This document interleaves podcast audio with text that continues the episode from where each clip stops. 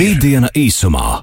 Raidījums īstenots ar Eiropas Reģionālās attīstības fonda atbalstu. Tehnoloģijas, nākotne, attīstība un tam visam pa vidu cilvēks.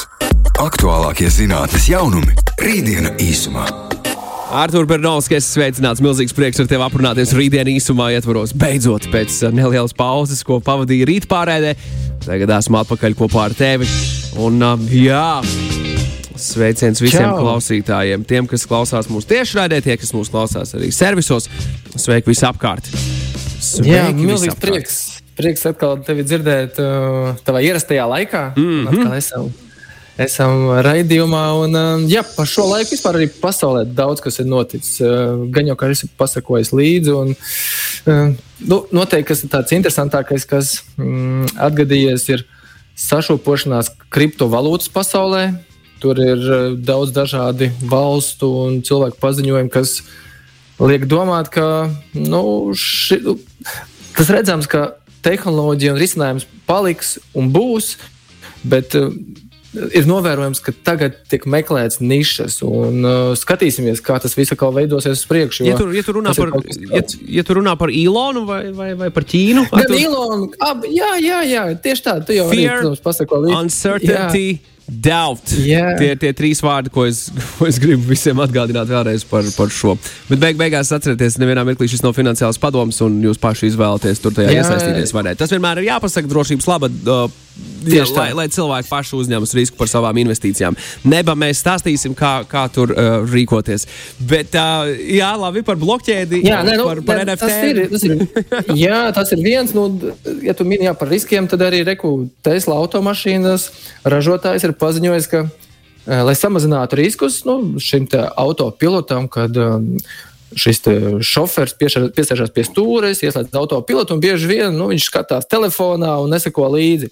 Un, lai to novērstu, Tesla šobrīd uh, laidīs klajā tādu risinājumu, ka sekos līdzi arī vadītāja acu skatienam, vai viņš tiešām fokusējas uz ceļa. Es saprotu to Ilona Maska sākotnējo ideju par kaut ko. Nu, autopilots ir fantastisks, un domājot par to, ka cilvēks ir fantastisks būtne un atbildīgs radījums. Es ticu, ka viņi jau bija iedomājušies par šādu eye tracking sistēmu, acu izsakošanas sistēmu. Lai pārliecinātos, vai cilvēks fokusējas un kontrolē situāciju, pat ja tāda autopilots ir ieslēgts. Bet tagad nu, nekas cits jau neatliek. Jo, jo cilvēks nekas ir. Mums negribas izmantot šos, te, šos te vārdus, bet diezgan tāds stulbs radījums. Tad, kad mums iedod baigi labo burkānu, mēs pēkšņi baigajā komfortā ejam iekšā. Un autopilots tas jau pats brauc, bet nē, mums jātur ir acis, jāskatās virsū uz ceļa un nevaram novērsties nekādā gadījumā. Un labi, ka būs šis te. Labi, ka tā. Labi, ka būs šis te Vienīgais, izsakotais, acu Par izsakotājs. ko man ir tādas nezinu, mazas bažas, ka arī citi, protams, ražotāji to pašu saka, ka arī sekos līdzi.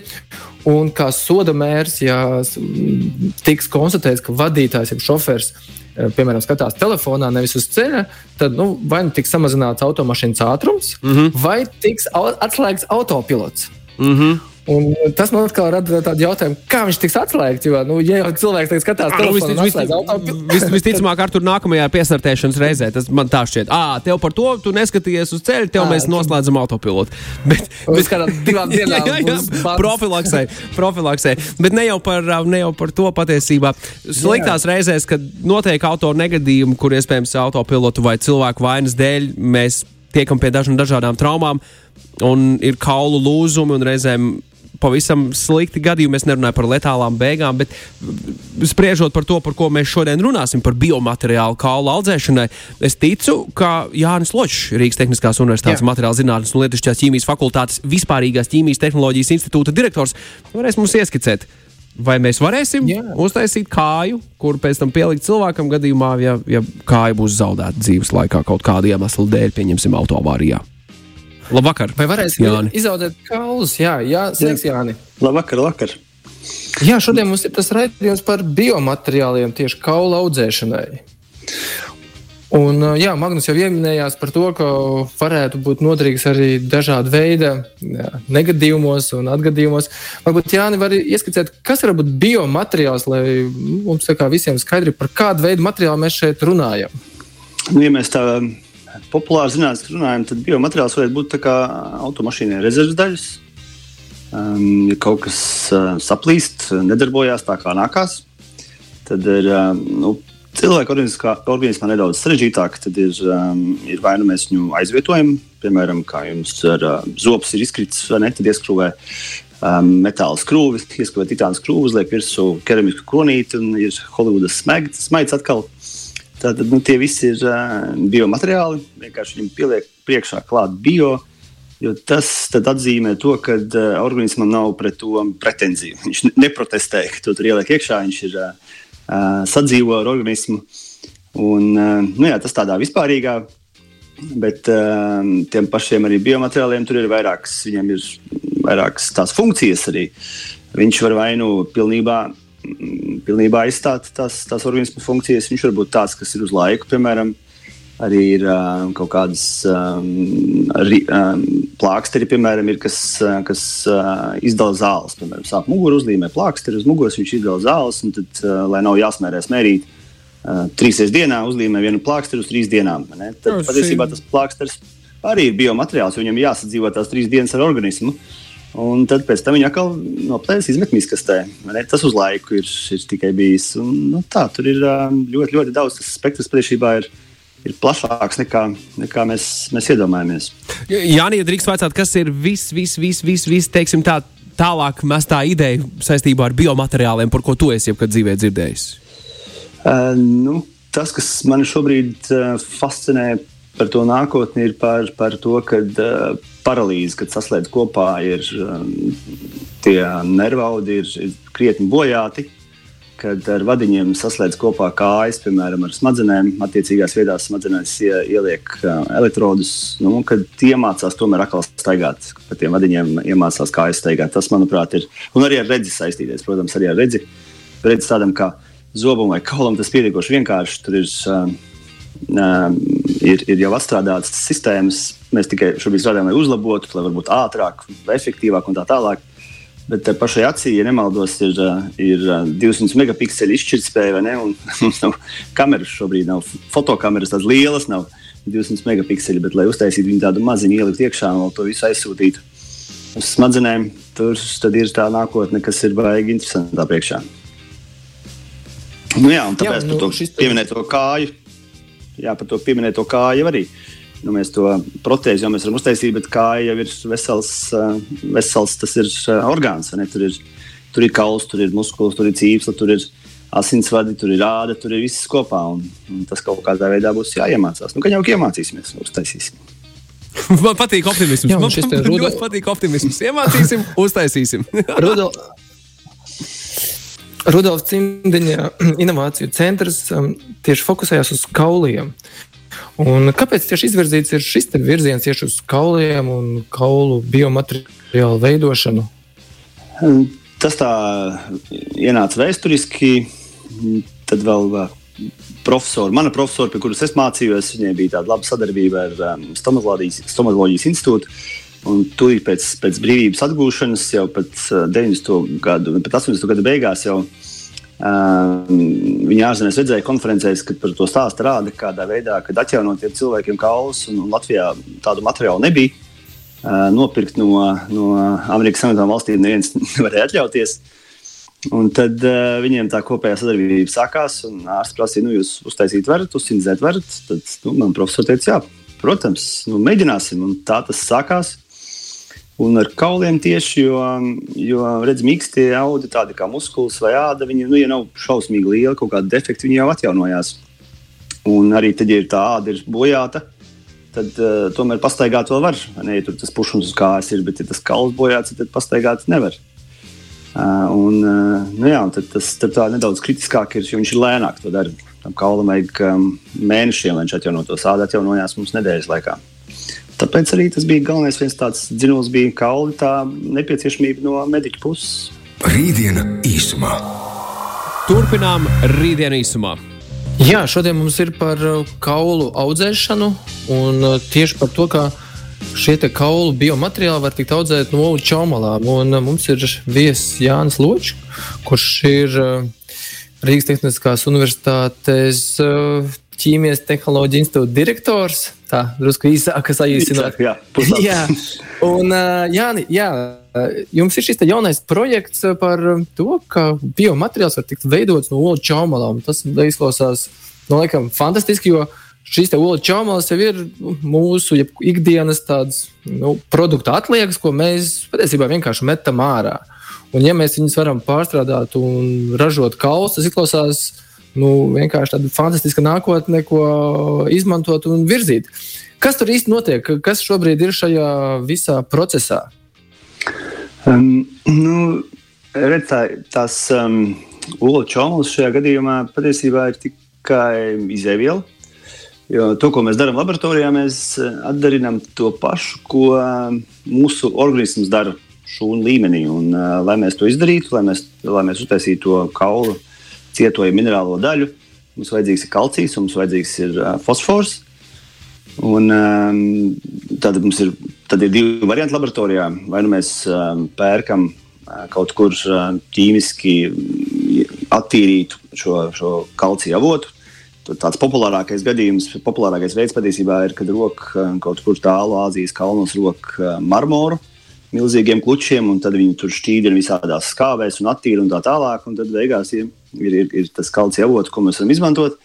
Vai arī otrs ir patiesībā mēs varam izmantot ne tikai olu čaumalus, mēs varam arī gliema žoks izmantot un arī citus dabīgos uh, tos resursus, jo tā pati vista ēdot ne graudus un, un, un smiltiņas un tā tālāk sev, sev dabū kuģī kalciju un izmanto viņu uz, uzsintēzē to kalcija karbonātu, kas ir tajās čaumalās. Un tad jā, mēs izvēlējāmies tādu variantu, kad, kāpēc tās čaumalas mest ārā Jo patiesībā tas apjoms, kas ir tam pašam Baltikovam, ir kas, tas Baltikovs ir kā tāds strateģisks partneris tajā projektā vai kā, kā, kā, kā atbalstītājs drīzāk.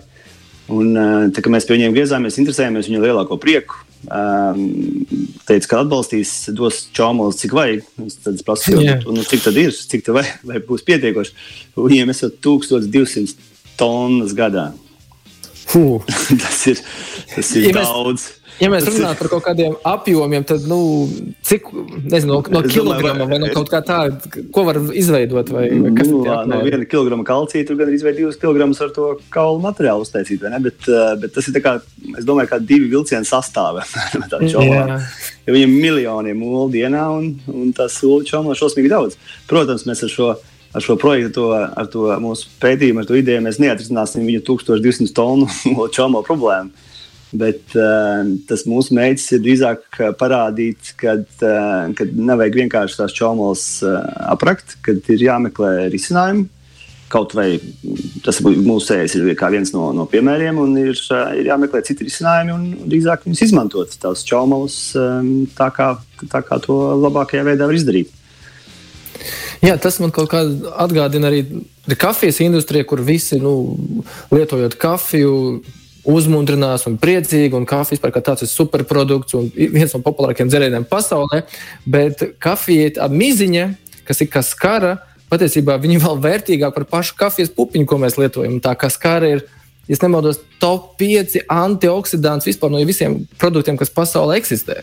Un tikai tagad sāk arī šo kafijas pupiņu čaumalu izmantot. Kā līdzīgi arī šeit, nu, olu čaumalas ir aizmirsta lieta, bet patiesībā jā, viņu var ļoti prātīgi izmantot. Uh, Bet kā tas process notiek? Kas ir tas, eh, tas kaulu biomateriālu veidošanas un tad arī audzēšanas process? Kā tas, kā, kā tas notiek dzīvē? Nu, es tā vienkārši pastāstīšu, vienkārši veidā. Tad mēs paņemam lūču amalu. Mēs viņu žāvējam no sākuma, lai tur nekādas nav eh, nekādi baktēriskie pūšanas procesi notiek, lai nav smaka nerodās. Tad mēs viņu žāvējam. Tad mēs viņu ieliekam krāsnī, mēs uzkarsējam līdz 1100 grādiem. Un tad tas, ko mēs tur iegūstam, mēs iegūstam kalcija un skābekļa savienojumu, kas ir kalcija oksīds. Un tālāk šo atkal mēs šķīdinām, ja viņam liekam rieģēt ar fosforu skābi. Un, savukārt, fosforu skābi mums visiem zinām, ir, ir visi pārtikas dzērieni, arī ir kolā arī tas skābiņš, kas mums patīkamais ir visos gazētajos dzērienos, patiesībā ir fosforu skābi. Jo, jo tas dod to um, patīkamu mūsu skābumu, un tajā pašā laikā viņš patiesībā ir nav nemaz tik kaitīgs uh, organismam. Um, tas, kas ir tajā kolā, tā, tā skābe, drīzāk tas cukurs ir tas kaitīgākais, manuprāt. Tā skābe neko ļaunu nedara. Um, vienkārši dod mums arī patiesi mūsu organismam fosfora avoti. Mums agrāk teica, ka jāēd zivis, lai būtu fosfors. To pašu mēs darām. es nesaku, dariet. Es nesaku, dariet. Es nesaku, dariet. Reiz viss teikt, kola, nevajag cits kā ar, mēru. Cukurs. Ar mēru, tieši tā, viss ar mēru. Tur tas cukurs, tas jau tas briesmīgākais ir cukurs, bet tas fosforiņš, kas tur ir. Un arī tādas visas bildītas uh, YouTube, kur ieliek iekšā monētas, sarūsē vai nē, tajā fosforskābē vai izšķīst uh, zeķu bikses vai kas. Uh, Es atceros, bija viens, um, viens, viens ārsts, teica, nu, pamēģiniet uh, kuģi sulā iemērt iekšā. Tas notiks tieši 5 vai 10 reizes ātrāk, jo tā kuģi sula ir daudz agresīvāka par to, par to fosforu skābi, kas ir kolā. O, paldies, jā, šī, šo, paldies, paldies, Jāni, par šo. Šis bija vērtīgi. jā, bet tikai cukuru gan nevajag. Jā, jā, nu, cukurs, un, cukurs un, tad, jā, un tad mēs tur iegūstam to tādu pulverītu smuku, un tad mēs no tā pulverīša veidojam visbiežāk tas ir tāds granulēdu, tāds tā kā smilts. Nu, to varētu rakstīt rakstot tādā formā kā smiltis, un tas atkal ir, ir ērtāk um, ārstam pielietot, jo nav divu vienādu cilvēku, nav divu vienādu kaulu defektu. Līdz ar to katram uztaisīt individuālu formu, tas ir pārāk uh, sarežģīti un laikietilpīgi, un arī nav vajadzīgs. Un tad viņi tādas kā snūšu formā, viņas ir. Viņas samais kopā ar, ar, ar asinīm pirms operācijas, viņas tā smuki saķep, ieimplantē iekšā kaulā un Nu, tad jau mūsu organisms izdara, ko, ko, kas viņam jāizdara. Ir 3, 4 mēneši, varbūt pusgada laikā. Tās mūsu kaulu šūnas atpazīst to materiālu, viņā viņš ir kā savējs, tur ir balīts uztais. Un tad viņš lēnām viņu novārda, un tajā vietā izveidojās kauls. Nu, tāds tas stāsts īsumā. Kas ir tas iemesls, kāpēc organisms uh, šos biomateriālu nu, tieši adaptē un pieņem, ka viņš tomēr nu, neuzskata viņu par svešķermeni? Kā mēs viņu piemānām ar to, ka šis materiāls nu, ir derīgs šim ķermenim un nemetiet viņu ārā? Jā, tur ir, uh, ir, ir trīs patiesībā tādi uh, biomateriālu veidi. Viena ir, uh, viņus ir sauc par bioinertiem, proti, kad organisms to materiālu nejūt un viņš viņu ignorē. Un, ja tādu materiālu implantē, tad ap viņu izveidojās tāda saucamā saistaudu kārta, kas ir um, vienkārši tāda saistauda. Viņš iekapsulē organisms, viņš viņu izstumt ārā nevar. Viņš uh, iekaisumu nekādu nerada. Viņš viņu vienkārši norobežo un, un saka, aizmirstam. Un tad nākošais līmenis ir tāds, kas ir tā saucamie bioaktīvie, kuru organisms atpazīst uh, un saprot, ka tas ir uh, materiāls, kurš nav um, ļaundabīgs. Tātad viņš iekaisumu nerada, toksisks viņš nav. Un tad viņš mēģina organismu viņu apēst. Un tad ir divi varianti. Vai nu viņš viņu var apēst, vai nu nevar apēst. Ja viņš viņu uh, nevar apēst, tad viņš vienkārši viņu ar viņu savu kopā un viņu nofiksē. Un, ja viņš viņu var apēst, tad viņš viņu laika gaitā izšķīdina. Tas var aizņemt mēnešus, tas var aizņemt arī gadus. Un, uh, tas pirmais princips patiesībā ir tāds, ka uh, implantējot tos materiālus iekšā, no sākuma pirmajās sekundēs pat uz tā materiāla virsma, no mūsu asinīm, uz materiāla virsmas pieķerās proteīni. Un uh, tās šūnas pēc tam sajūt tos proteīnus. Viņas patiesībā neizjūt to pašu materiālu, bet viņas sajūt proteīnus. Un, ja tur ir tie proteīni, tad, tad, tad uh, uz tās virsmas tad patiesībā šūnas domā, ka tā ir daļa no kaula ka tas pat nav cits materiāls. Bet tādā veidā viņas nedaudz apmainās. Viņas domā, ka tā ir arī daļa no kaula tieši ar tiem proteīniem, kas uz virsmas tur uh, nosēžās. Nu tā, tā ir arī daļa no pētniecības. Mums ir jauns materiāls, tad mēs skatāmies, kā uz viņiem sorbējās proteīni, cik daudz, un tad jau nedaudz uz priekšu var prognozēt, kā viņš uzvedīsies uh, organismā. Kā izskatās ar to varbūt tuvo nākotni, tieši šo kaulu, mākslīgo kaulu veidošanā? Mēs esam runājuši par nu, dažādu veidu arī raidījumā par 3D printeriem, kas printē gan pārtiku, gan uh, arī dažādus uh, orgānus. Kā ir ar kauliem, vai kaulus arī ir iespējams tiešām nu, tā uh, ķirurgs vai, vai nu, eksperts, speciālists pieiet pie datora, no, noskanēt varbūt ķermeni, un tad uzdizainēt viņu un uzspiest pogu printu, un tad, nu, kādā īsākā vai laikā lai, ienāk laukā kauls, ko pēc tam var nu, ielikt ķermenī. Kā, kā ir ar tādu nākotni, vai viņi ir tuvu, vai tas ir tāds vēl filmu nu, tā, līmenī? Vai filmu līmenī, jā. Tuvāk nekā domājam, būs. Drīz darīsim. Izklausās, ka tas būtu kā jau rītdien. jā, jā, nē, patiesībā nē, tā arī tas nav tālu. Tas tādā uh, puseksperimentālā līmenī jau notiek. Citur vienīgais, nu, tas, ka tā infrastruktūra ir pietiekoši dārga. Uh, Tie printeri tie nav tie printeri, ko par 300 eiro eBayā var nopirkt. Tie ir, um, tie ir pusmiljonu vai miljonu vērti printeri, uh, jo viņiem ir jābūt arī attiecīgām prasībām, atbilstoši medicīnas datu regulām un tā tālāk. medicīnas regulām. Un, un, un, uh, un tad uh, jā, mums ir tas viens lielais projekts, arī, kas ir Baltijas Biomateriāla ekscelences centrs, kurā mēs sadarbojamies uh, Tehniskā universitāte, Stradīņu universitātes, Tomoloģijas institūtu un Latvijas Organiskās sintēzes institūtu. Un, uh, viena no tām tēmām mums arī ir uh, no mūsu puses tātad materiālu dizains un, un stomatoloģijas institūtā pie, pie mediķiem tīri tās 3D formas dizains, prognozēšana, kā viņš noādīsies tik ātri.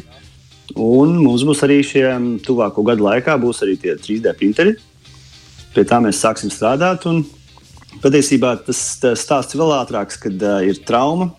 Ar traumu cilvēku ieved iekšā, piemēram, slimnīcā, viņam tiek uztaisīta magnētiskā rezonance.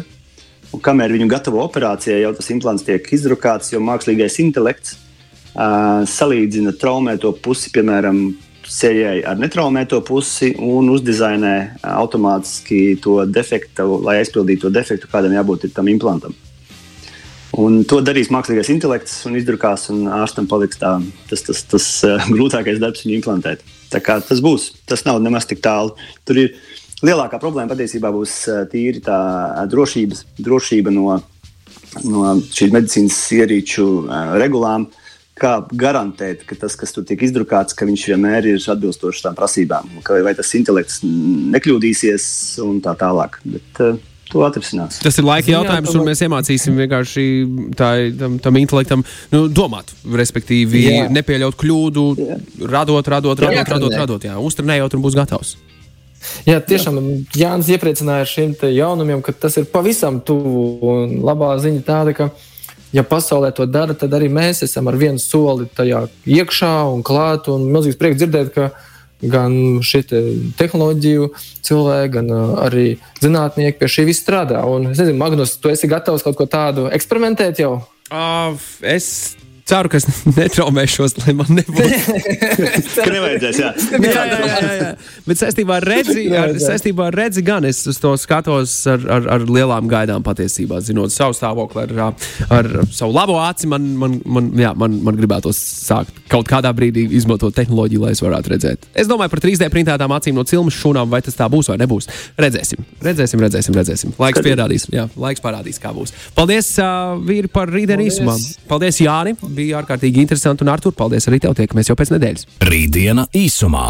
Raidījums īstenots ar Eiropas Reģionālās attīstības fonda atbalstu.